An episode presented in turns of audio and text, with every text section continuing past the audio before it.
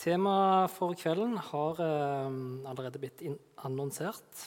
Eh, fromhet og fasade. Det som vi skal snakke om i kveld.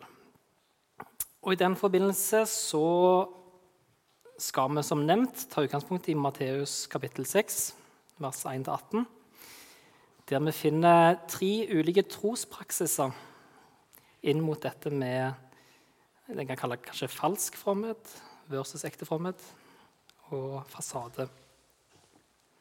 Eh, det nevnes gaver til de fattige, det nevnes bønn, og det nevnes faste. Kollekt det hadde vi jo nå. Det har vi jo på hvert møte, så det kjenner vi jo litt til hvordan fungerer. Bønn har vi òg eh, på hvert møte, og mange praktiserer det ofte i dagliglivet òg. Faste hvordan er det med den? Tror den kanskje er den som er minst uh, kjent for uh, de fleste av oss. Men håper, jeg håper at vi kan få se litt mer på det uh, og lære litt om mer om hva fase det er. Ja, så det vil handle litt om hvordan vi tilnærmer oss disse trospraksisene. Hvordan, hvordan møter vi det? Hva er den underliggende motivasjonen da, med å be, med å faste, med å gi gaver til andre. Mm. Og jeg kan si det òg, at vi er nå i vinter, hvis det kan kalles vinter. Vi er i Bergpreken, eh, en taleserie som vi holder på med. Eh, og Da har vi kommet til kapittel 6, og så er det et par taler igjen. da. Men jeg har lyst til å begynne med å lese versene for i dag. Kapittel 6 i Matteus, vers 1-18. Og til en forskjell så tror jeg vi kan reise oss mens jeg leser det.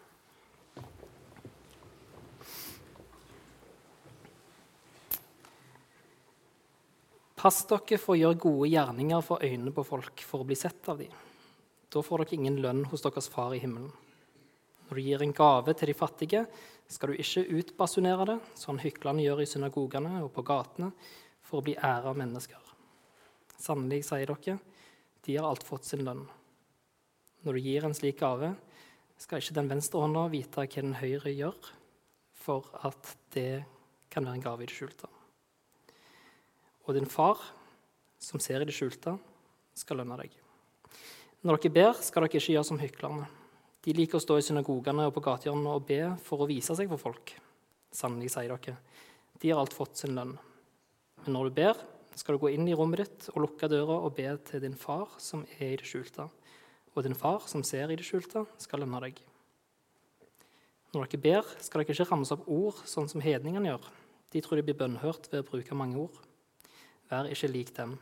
For dere har en far som vet hva dere trenger, før dere ber han om det. Slik skal dere da be. Vår Far i himmelen, la navnet ditt helliges. La riket ditt komme. La viljen din skje på jorda slik som i himmelen. Gi oss i dag vårt daglige brød, og tilgi oss vår skyld, slik også vi tilgir våre skyldnere. Og la oss ikke komme i fristelse, men frels oss fra det onde. For ditt, og makten og æren i evighet. Amen. For dersom dere tilgir menneskene de misgjerningene de har gjort, skal òg deres himmelske Far tilgi dere. Men dersom dere ikke tilgir menneskene, skal heller ikke deres far tilgi de misgjerningene dere har gjort. Når dere faster, skal dere ikke gå med dyster mine, slik som hyklerne. De forsømmer sitt utseende for at folk skal se at de faster.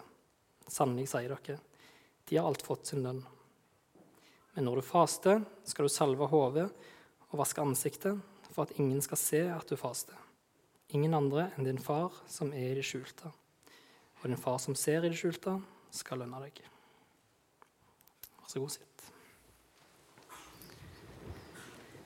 Kjære far, takk for uh, det vi har fått lese nå. Um, jeg legger talen og resten av kvelden i dine hender. Må du åpne ditt ord for oss. Amen.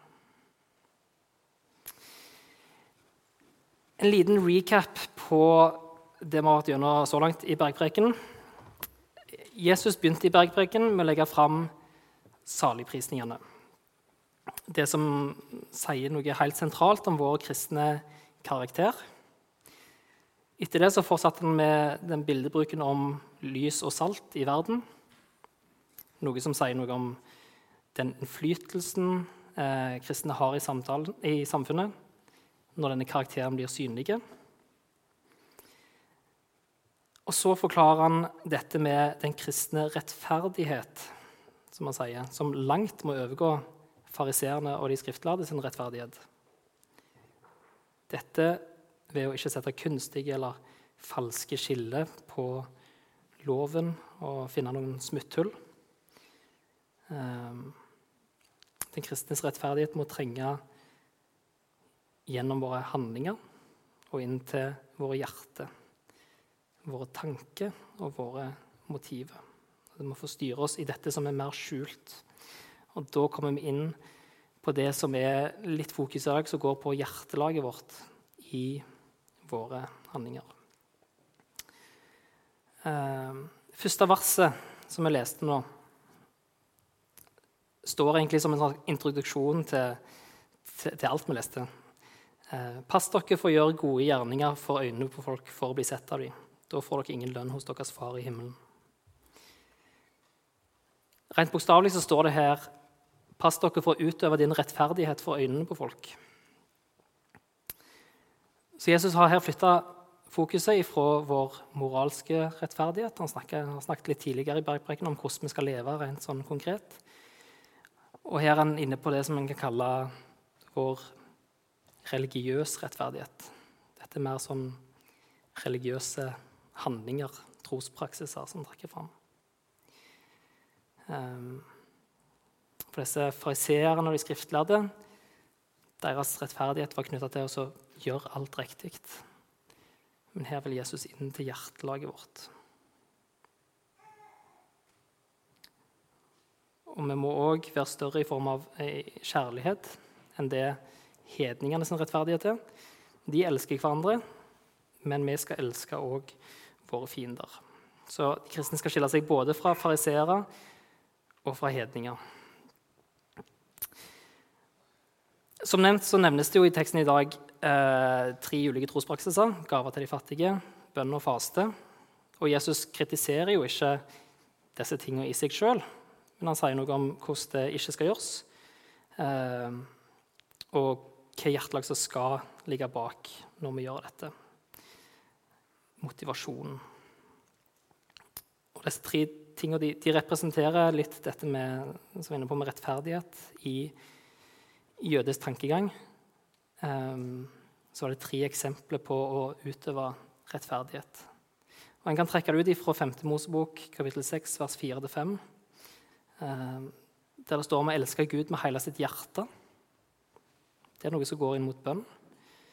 Hele sin sjel. Der kan han trekke en faste. Og all sin makt, der han kan trekke en gaver. Og interessant nok også, så er dette, disse tre tingene det er noe som vi finner igjen i en eller annen form i alle andre religioner òg. Så at Jesus sier noe om dette skal være fokuset hos kristne, er interessant å få med seg. Ja. Å gi gaver, som vi skal komme inn på, det sier noe om å tjene vår neste.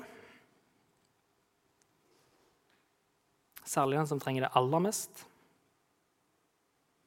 Å be, det er å søke Guds ansikt, anerkjenne vår avhengighet av Han.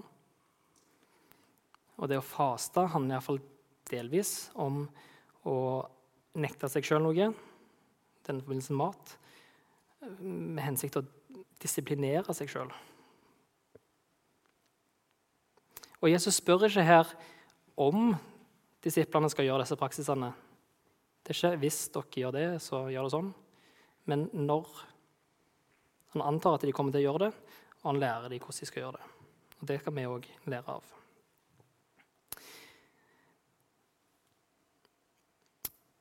Han legger lista òg i dette innledninga med, med, disse som gjør det med falskhet. Hyklerne. Eh, Og Det peker nokså sikkert til fariseerne, som i Matteus 23 beskrives som hyklere. Og det der står i Matteus 23, vers 5.: Alle sine gjerninger gjør de for at folk skal se det. Mm. Men vi skal begynne med, begynne med det første. Eh, gaver til de fattige, fra vers 2 til 4.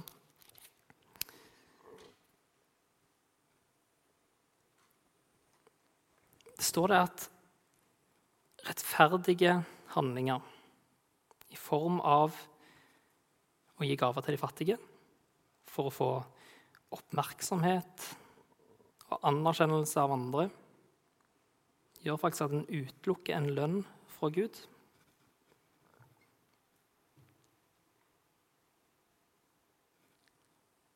Den eneste lønnen som en får, det er kanskje anerkjennende blikk fra naboen når du tusler ut til kortterminalen. Eller en indre applaus fra nabomannen. Det er den lønnen du får. Den som har sagt det sånn De ga ikke, men de kjøpte. De søkte lovprisning for andre mennesker, og de betalte for det. Det står her om å, ut, at, eh, om å utbasunere. Eh, når du gir en gave til de fattige, så skal du ikke utbasunere det, sånn hyklerne gjør i synagogene. Og det var faktisk en litt sånn bokstavelig greie. Altså at Hvis det var noen som ga en skikkelig kollekt i synagogen, så henta de han eh, trompetduden. Så blåste det ut sånn at alle kunne se at han her han ga skikkelig i dag. Så det er bokstavelig greie òg, som eh, de brukte til å skaffe anerkjennelse for seg sjøl. Men så er det jo det da at våre rettferdige gjerninger de vil jo nødvendigvis bli sett av andre. Poenget er ikke at vi skal gjemme oss vekk eller unngå kontakt med noen som helst for på alle måter at ingen skal se hva en gjør av gode gjerninger. Det er jo ikke poenget. Tidligere i Bergprekten så leste vi om at uh, vi skal la lyset vårt skinne for alle mennesker, så de ser de gode gjerningene vi gjør. Forskjellen her er at dette skal lede til at de priser vår Far i himmelen. Ikke til at de priser oss. Så det er hjertelaget som er poenget. Gud er ikke bare opptatt av handlingen, men om hjertelaget bak handlingen.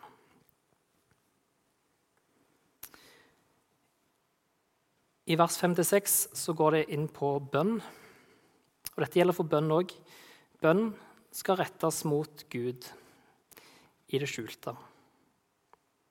Ikke bli en sånn offentlig show-off av uh, ens rettferdighet, sånn at uh, folk kan se opp til deg og fine ord du bruker, og fine lange setninger. Og det er ikke poenget.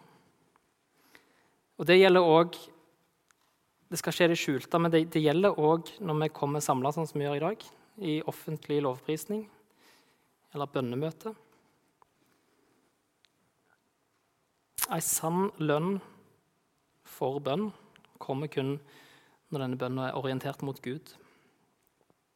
At den er ekte og ikke for å vise seg fram. Den er retta mot Gud og ikke mot andre. Vi skal komme mer tilbake til bønn litt seinere, eh, når vi kommer til Fader vår. Så vi hopper til det som går på faste. Det står i vers 16 til vers 18. Dette er den eneste plassen i Nytestamentet det faktisk eh, læres om faste. Det står om faste andre plasser òg, men, men eh, det eneste plassen der det følger en instruksjon om hvordan vi skal gjøre dette. Hvordan vi skal gå fram. Og en liten fun fact her. Det er sikkert litt flaut hvis 90 har tenkt på det før. Men uh, det engelske ordet 'breakfast' kommer fra ordene 'break' og 'fast', som handler om å bryte fasten, avslutte fasten, den som man har hatt gjennom natta. Det syns jeg var litt artig. da. Har dere noe fun fact i morgen? Men når hyklerne faster, som vi leste, så er de gira på å vise seg fram for å få anerkjennelse. Kanskje får de litt eh, applaus, og folk ser opp til dem, eh, syns de er flinke. De virker som skikkelige folk som gjør det skikkelig. Og da har de fått sin lønn, sier Jesus. Da er det det de får. De får ikke mer enn det. Mens vår rettferdighet handler om en tjeneste for Gud, og den skal òg da rettes mot Han. Sann rettferdighet foregår i det skjulte. Det er det som gir lønn hos Gud.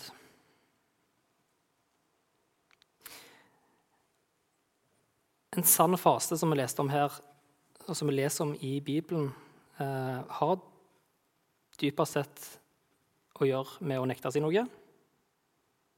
Mat er det det handler om her. Med det mål å disiplinere seg sjøl, som jeg nevnte innledningsvis. Det å faste og det å ydmyke seg sjøl framfor Gud, det er to ting som henger litt sammen.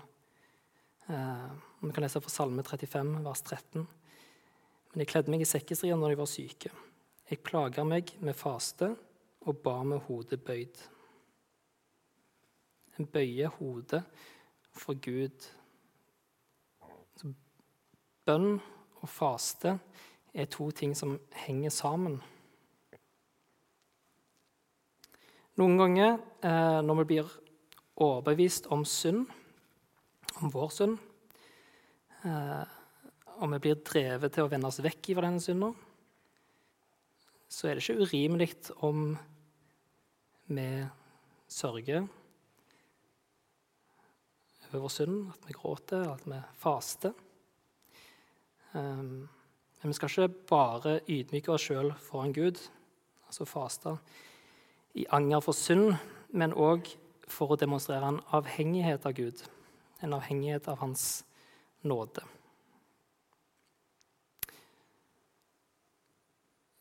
Så mens I Gamle testamentet så er det kanskje anger og faste som henger veldig mye sammen. Mens i Det nye testamentet så er det bønn og faste som henger mest sammen. Og Det betyr ikke at en trenger å faste hver gang en ber. Du kan ha mat på bibelgruppa, det er greit. Men det er kanskje sikta inn mot særlige anledninger. Særlige situasjoner eh, der du trenger å søke Gud. Du får konkret veiledning eller konkret velsignelse i livet. Så trekker vi oss vekk ifra mat, ifra andre ting som kan distrahere oss. En annen bibelsk grunn for faste er dette at Sult er et av de mest grunnleggende behovene for et menneske. På den andre sida er grådighet en av våre mest grunnleggende synder. Så hvis vi skal utøve sjølkontroll, så er det meningsløst med mindre det inkluderer at vi har kontroll på kroppen vår. Det klarer vi ikke uten sjøldisiplin. Paulus han bruker i 1. Korinterne kapittel 9 i vers 25 så snakker han om idrettsmannen som skal løpe for å vinne seierskransen. Han skriver det i kapittel 9, vers 25. ja. Alle som deltar i kamplekene, må nekte seg alt. De gjør det for å vinne en seierskrans som visner, med for å vinne en som aldri visner.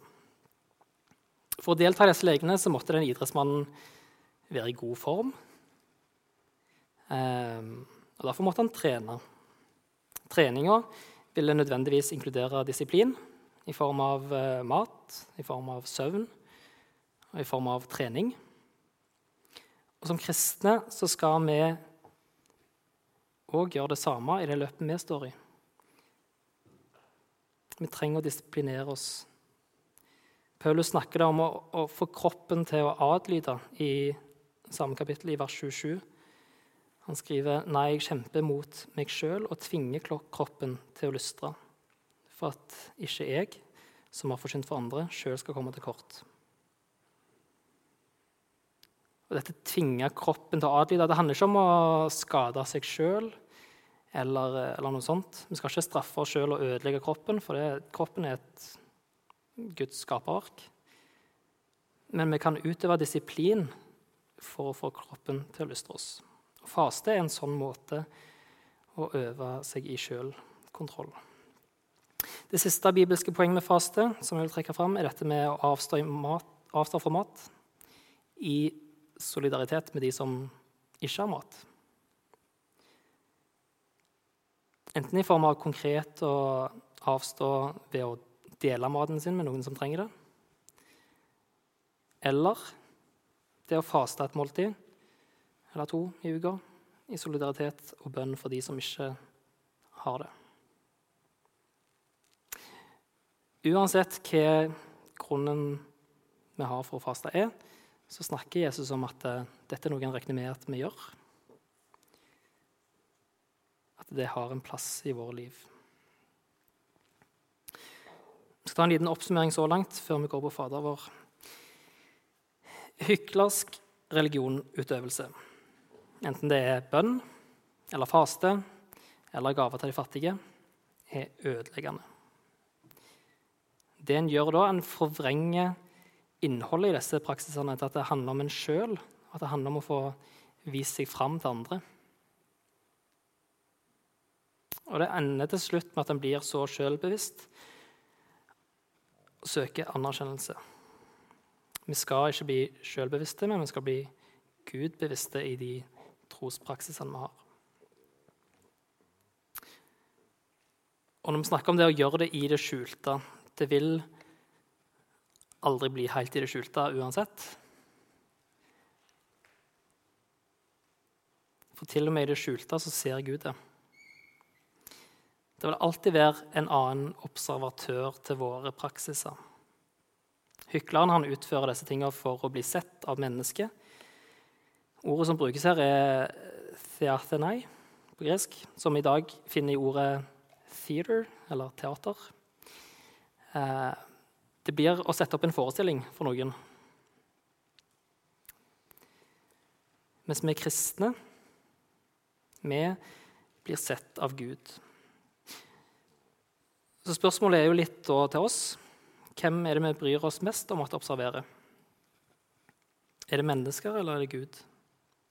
Hvis vi er mest opptatt av menneskene, så mister vi vår integritet. Og Det samme skjer hvis at vi blir våre egne tilskuere, for det går an. At vi setter opp et så forrykende show med vårt bønneliv for oss sjøl. Det går an å få til. Men vi må ha fokus på Gud som vår tilskuer i dette. Og Det gjør noe med oss når vi blir bevisst om hvem vi faktisk står overfor når vi ber.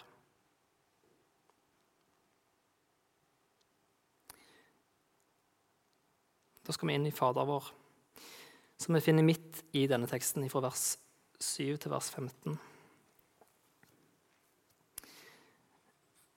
Jesus starter med å trekke fram et nytt poeng i forhold til dette med bønn. Det handler ikke om antall ord. Bønn er noe som blir mer forståelig og mer rett fram når vi lever i Jesus, når vi lever i nåden, i evangeliet. Da vil det vokse for oss at bønn det handler ikke om å manipulere Gud til å gjøre noe, eller om å overtale Gud med mange ord til å gjøre noe. Det er ikke noen magiske ord eller noen magiske formuleringer. Og Når vi ser det, så blir det heller ikke et poeng å bruke mange ord. Korte, direkte og ærlige bønner, det er nok for Gud. Igjen så er det hjertelaget som er poenget. Fader vår den fokuserer på de store linjene. Eh, kjernen i evangeliet, Guds plan for verden, Guds frelsesplan. Heller enn masse små hverdagslige ting. Siste delen av Fader vår tar med våre hverdagslige behov òg, men på et mer overordna plan. Så når vi ber til Fader, vi ber Fader vår, så ber vi til en far i det perspektivet om at vi er hans barn. Vi ber til en far som vil oss det beste, som elsker oss, som hører oss. Vi er barn som faktisk er involvert i denne store frelsesplanen som første del av Fader vår handler om.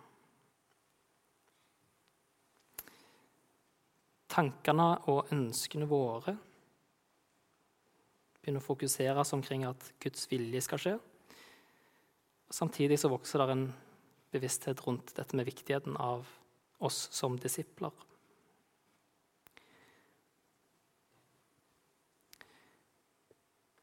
Han tar jo òg her et oppgjør med hykleriet. Den falske fromheten og fasaden. Som egentlig har blitt en misbruk av hva som var poenget med bønn. Da flytta fokuset fra å gi Gud ære til å gi en sjøl ære. En annen ting er det, det, med at de bruker mange ord når de ber. Det er en misbruk av bønnens natur. Altså En går vekk fra et ekte, personlig møte med Gud og gjør det bare til, en, til et mantra, til en oppramsing av ord. Og det kan, tror jeg vi kan kjenne oss igjen i til tider. at eh, Kanskje du har kjent i dag òg. Kanskje du har sunget en halv sang uten egentlig å tenke på hva, hva, du sang. For det kan gjelde i lovsang òg. Lovsang òg er en form for bønn. Um, vi beveger leppene i respons til bokstavene som står på veggen. Og så er ikke hodet til stede eller hjertet til stede i det vi synger. Eller når vi ber høyt, um, at ordene bare flommer ut som en sjargong uten at han egentlig har hodet med. Så sier jo Jesus egentlig det at dette, vi skal ikke gjøre det hvis vi ikke er til stede mentalt og med hjertet i de ordene som ytrer. Enten det er sang eller uten melodi. Hyklerne de tror at de blir hørt med å bruke mange ord. Men Gud er ikke opptatt av bønnestatistikk. Det er litt deilig. Han teller ikke antall ord som vi har brukt i løpet av vårt liv. Han teller ikke antall minutter og sekunder. Hva slags Gud ville det vært om at han skulle målt det? Vi trenger ikke bruke mange ord. Og det poengterer Jesus her ved å gi oss en veldig god mal for hvordan vi skal be. Og Gud vet hva vi trenger før vi ber om det. Han er ikke fraværende, sånn at vi må fortelle ham hva han skal gjøre. Um, han er ikke nølende, sånn at vi må overtale ham.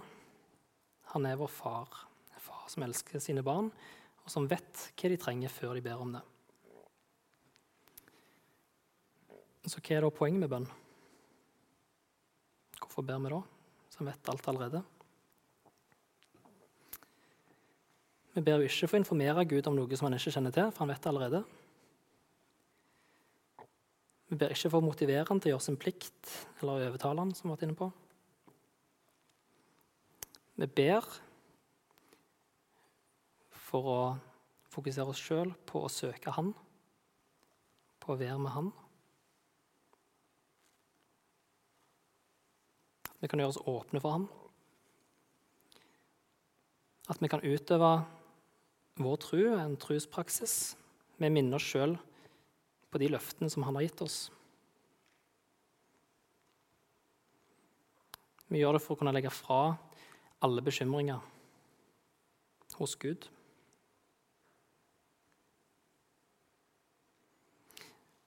Bønnen blir da en erklæring òg om at vi innser at vi trenger Gud fullt og helt. Vi er fullt og helt avhengig av Han. Vårt håp og våre forventninger er alene knytta til Han. Både for vår egen del og for andres del.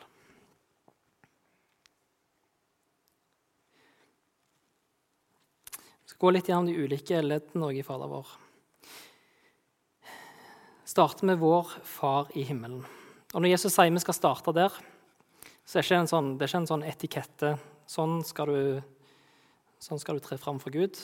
Sånn som du trer fram for kongen liksom, med deres kongelige høyhet. Det er ikke en, er ikke en sånn, eh, sånt poeng med det. Men poenget er å minne oss sjøl på sannheten om hvem vi faktisk trer framfor. Å være bevisst det. Og Derfor er det en fin ting egentlig uansett, gjerne før en begynner å be òg, at en tuner litt inn på hvem er det jeg faktisk skal snakke med nå.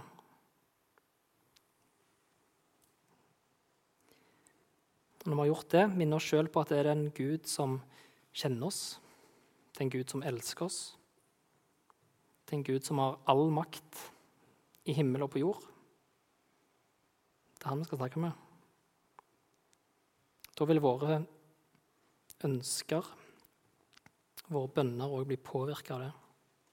Både i form av at Guds prioriteringer vil komme først på lista, og i form av at vi kjenner at dette er en Gud som vil oss godt, og som har makt til å gjøre ting, kan legge det fram for Han. Og så er det fullt mulig å be Fader vår som en annen papegøye og bare ramse det opp uten å tenke over hva en sier.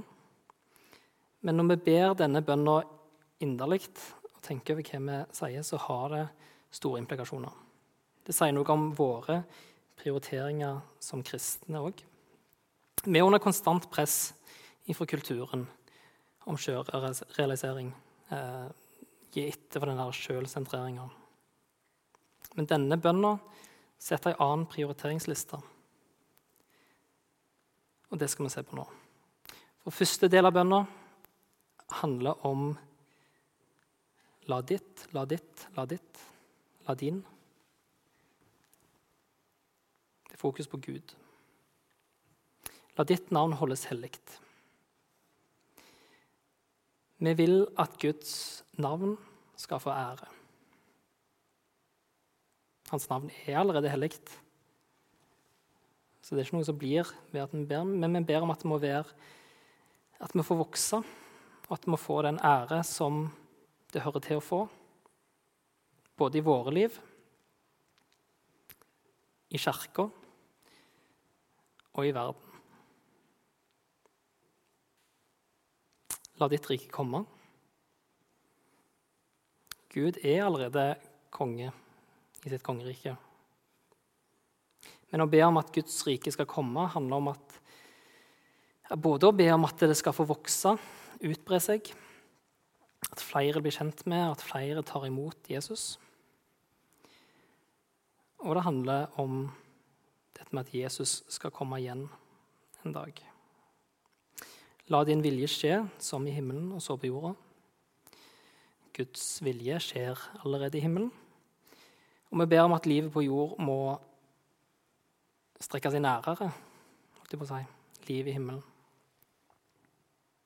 Det henger nøye sammen med de to forrige punktene. At hans rike må komme, at hans navn må holdes hellig. At det må utbre seg, at flere må bli kjent med han. Og at eh, hans navn kan bli hellig i samfunnet. andre delen flyttes Der flyttes fokuset til oss. Våre behov som vi legger fram for Gud. Og uttrykker en avhengighet av Gud. Gi oss i dag vårt daglige brød. Brød som et symbol for alt vi trenger her i livet.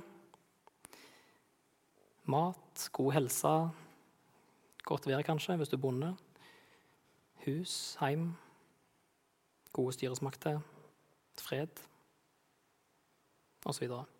Det handler om nødvendighetene, ikke om luksusen, men om det vi trenger hver dag.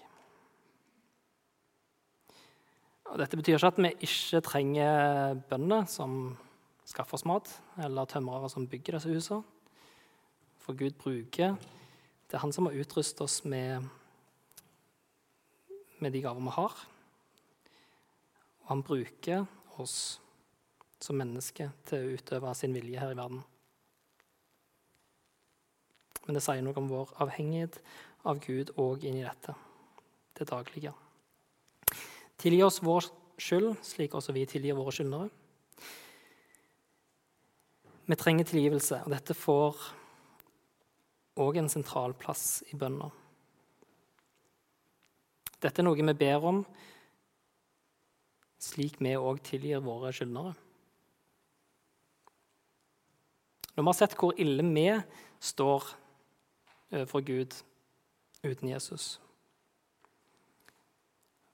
så setter det òg perspektiv på våre skyldnere.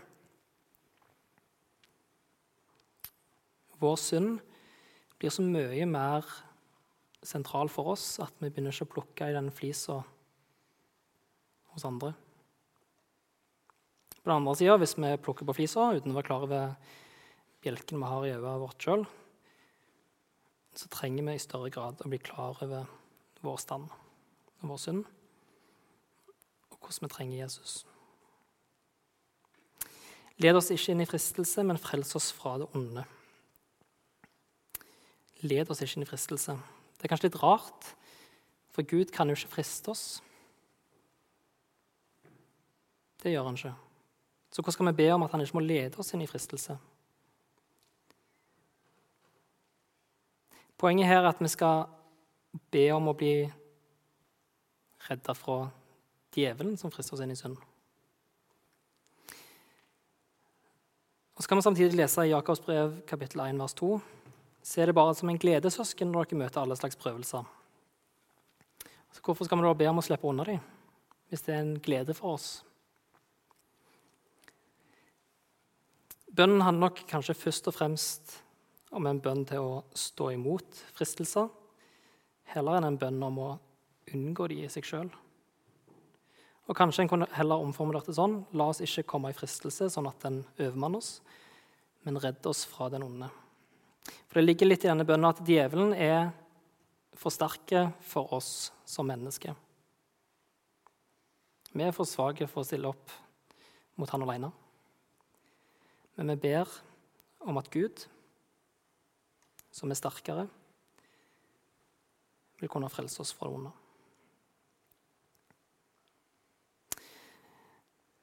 Disse tre behovene knytta til oss dekker egentlig alle våre menneskelige behov. Hvis en ser på det litt overordna. Daglig brød det er det vi trenger for dagen. Tilgivelse det dekker vårt åndelige behov. Og så er det frelse fra det onde, som går mer inn mot vår moral. Så det vi gjør i denne bønnen, er egentlig å legge fram for Gud at vi, vi trenger han, vi er avhengige av han i alle områder i livene våre. Og disse tre behovene gjenspeiler òg treenigheten. Gud som forsørger, som gir oss det daglige brød. Jesus som døde for oss, sånn at vi kunne få tilgivelse. Og Ånden som bor i oss, som leder oss, som bevarer oss fra det onde. Helt til slutt så skal vi be Fader vår sammen.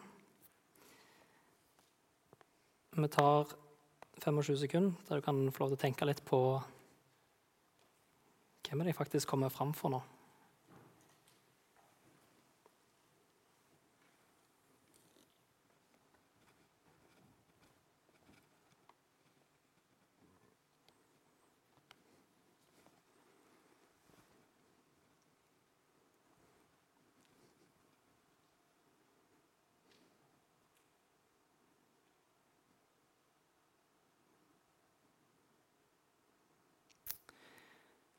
Fader vår, du som er i himmelen.